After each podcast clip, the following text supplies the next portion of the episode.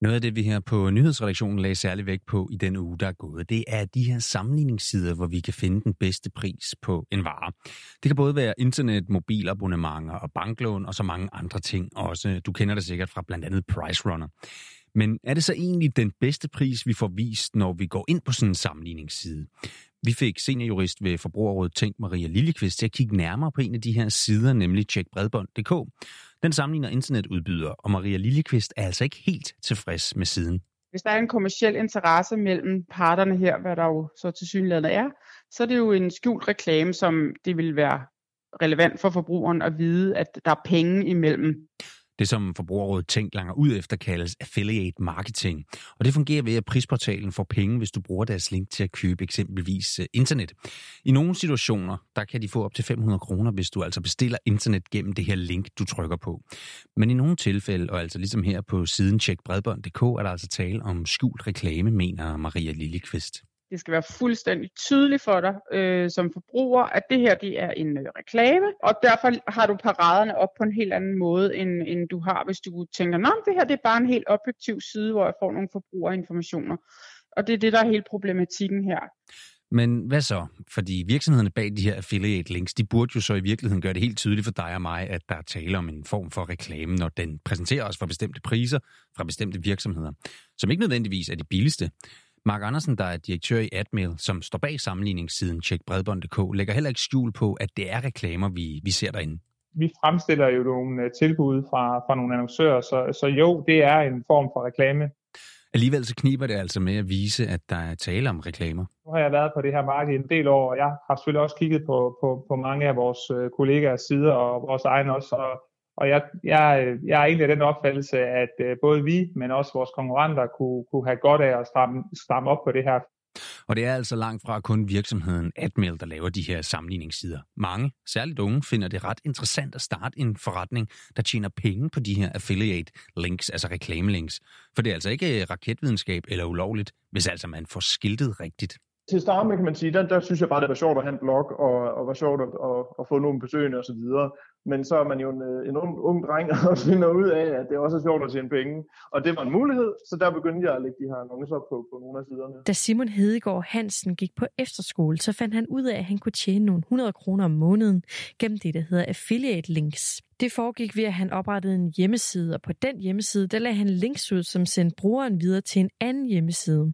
Hvis der så blev købt noget på den her anden hjemmeside, så tjente Simon også penge.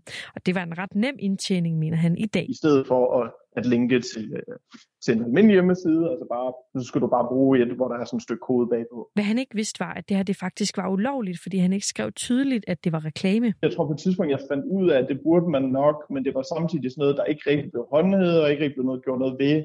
Uh, og så tror jeg bare, jeg var lidt kæk og lå være med at gøre så meget i det. Men lidt med den, den, den gode klassiske, det gør de andre ikke, så det gør jeg heller ikke. For Simon har den her interesse for links og online marketing betydet, at han i dag har et arbejde i den samme branche.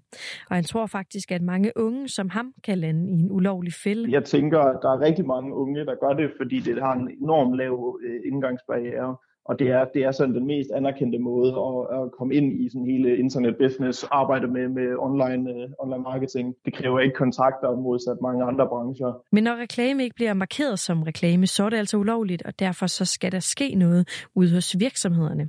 Det var Sofie Lodal Ørts, der havde fortalt den her øh, del af historien. Og mm, selvom Marie Lillekvist fra Forbrugerrådet Tænk, for lige at vende tilbage til hende, altså er skeptisk over de her sider, der er ikke lige får skiltet med, at det er reklame, så kan du faktisk godt finde dit øh, næste mobilabonnement, bredbånd eller måske en A-kasse på en af de her sider, lyder det fra hende. Det er jo alt sammen fint nok. Jeg skal jo bare vide, at øh, der, der er penge øh, på spil her. Og så skal jeg lige fortælle, at siden vi begyndte at se på de her forskellige sammenligningssider og rettet henvendelse med Forbrugerrådet Tænks kritik, der har flere af dem nu, blandt andet Admail, tilføjet et link på de her hjemmesider, hvor det fremgår på forsiden, hvordan virksomheden bag tjener sine penge, og at der er tale om reklamer. Og nu skal du lige høre lidt om de her populære elløbehjul, som du nok har set på mange gadehjørner i større byer. De er nemlig ikke helt så grønne og gode for miljøet, som man måske skulle tro. Det er faktisk sådan, at de lige nu er værre for miljøet, end busser er. Det viste en øh, rapport fra Færdselsstyrelsen lidt tidligere på året. Det har Martin Sodemann kigget nærmere på. Når du kobler dig til de her elløbehjul, så er miljøet og CO2 nok ikke det første, du tænker på. Men faktisk så sætter løbehjulene i løbet af deres livscyklus et lidt større aftryk, end eksempelvis busser de gør. Og det skyldes altså i høj grad batteriernes kvalitet og den levetid, som de her løbehjul de har. Det fortæller Jeppe Jul, der er seniorforsker for Rådet for Grøn Omstilling inden for netop klima og transport. Det afhænger mest af, hvor lang tid batteriet holder. Altså selve løbehjulet i øvrigt, der går selvfølgelig noget energi til at producere det. Men det der er den store energisluger og dermed også øh, en indbygget CO2-ledning, der er i batteriet, ligesom det også er på elbiler. Og for også at gøre ondt lidt værre, ja, så viser den her rapport faktisk også, at dem, der benytter sig af løbehjulene, ja, det er faktisk i overvejende grad personer, der ellers vil have gået eller taget deres cykel.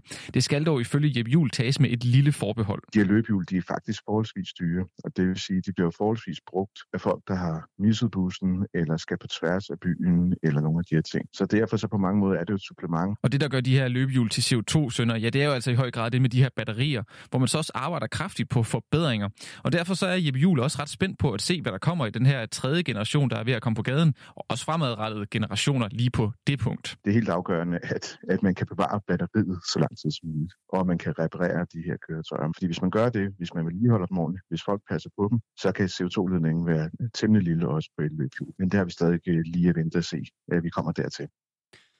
Vi har også taget en snak med Voice, som står bag mange af de øh, tohjulede drønner, der vi ser i de store byer herhjemme. Og selskabet fortæller, at tredje generation af deres elløbehjul er kommet på gaden i København allerede. De ved dog endnu ikke, hvornår de kommer til andre danske byer som Aarhus, Odense og Aalborg.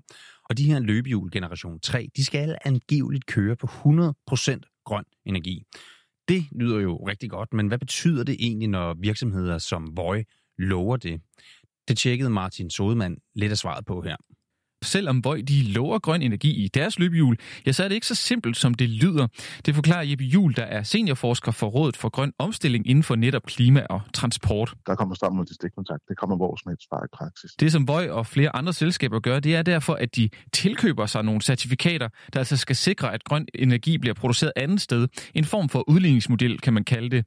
Det fortæller Vois svenske landschef Erik André mere om her. Man kan ikke være helt 100% sikker på, at drømmen, som du bruger lige precis nu är grön. Men det man lär det är att när du betalar och när du utvecklar så betalar du för att det ska gå till grön elektricitet. Och sån virkar det för i princip alla som bruger elektricitet i Danmark. Men spørger man Jeppe Julia, så skal man altså ikke ligge for meget i netop de her papirer. Hvis der kun er tale om oprindelsesgarantier, så er der jo tale om papirer, som man stort set får kastet nakken gratis og som ikke, som ikke gør nogen fysisk forskel i den virkelige verden. Derfor spurgte vi også Vøj, hvordan de har tænkt sig at leve op til det, de i deres pressemeddelelse kalder for 100% grøn energi.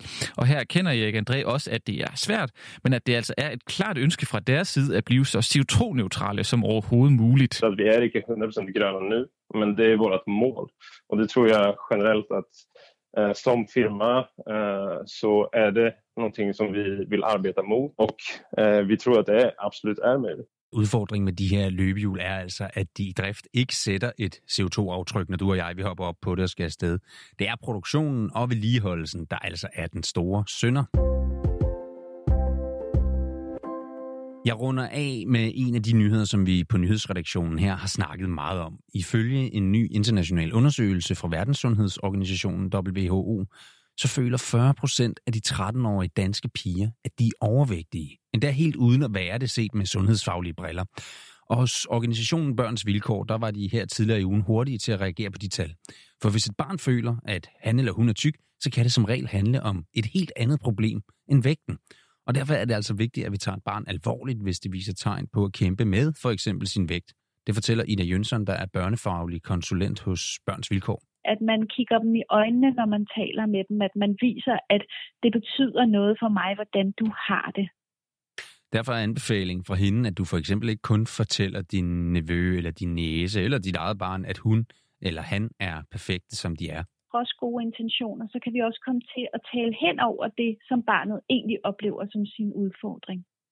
Til gengæld så skal interessen for vores børn og unge vises løbende, stilføjer Ida Jønsson hvis man nu ser, gud, det er da mærkeligt, hvordan øh, min jæse her er begyndt at, at se sådan mut ud, når vi sidder og spiser, og spiser ikke så meget mere, eller hvad det nu kan være. Spørg ind til det, og sig, hvad det er, du har lagt mærke til. Undersøgelsen her den viser desuden, at øh, danske børn og unge mellem 11 og 13 år er nogle af de mindst overvægtige i Europa. Her fik du altså ugens øh, nyhedskollektion. Vi er tilbage i næste weekend.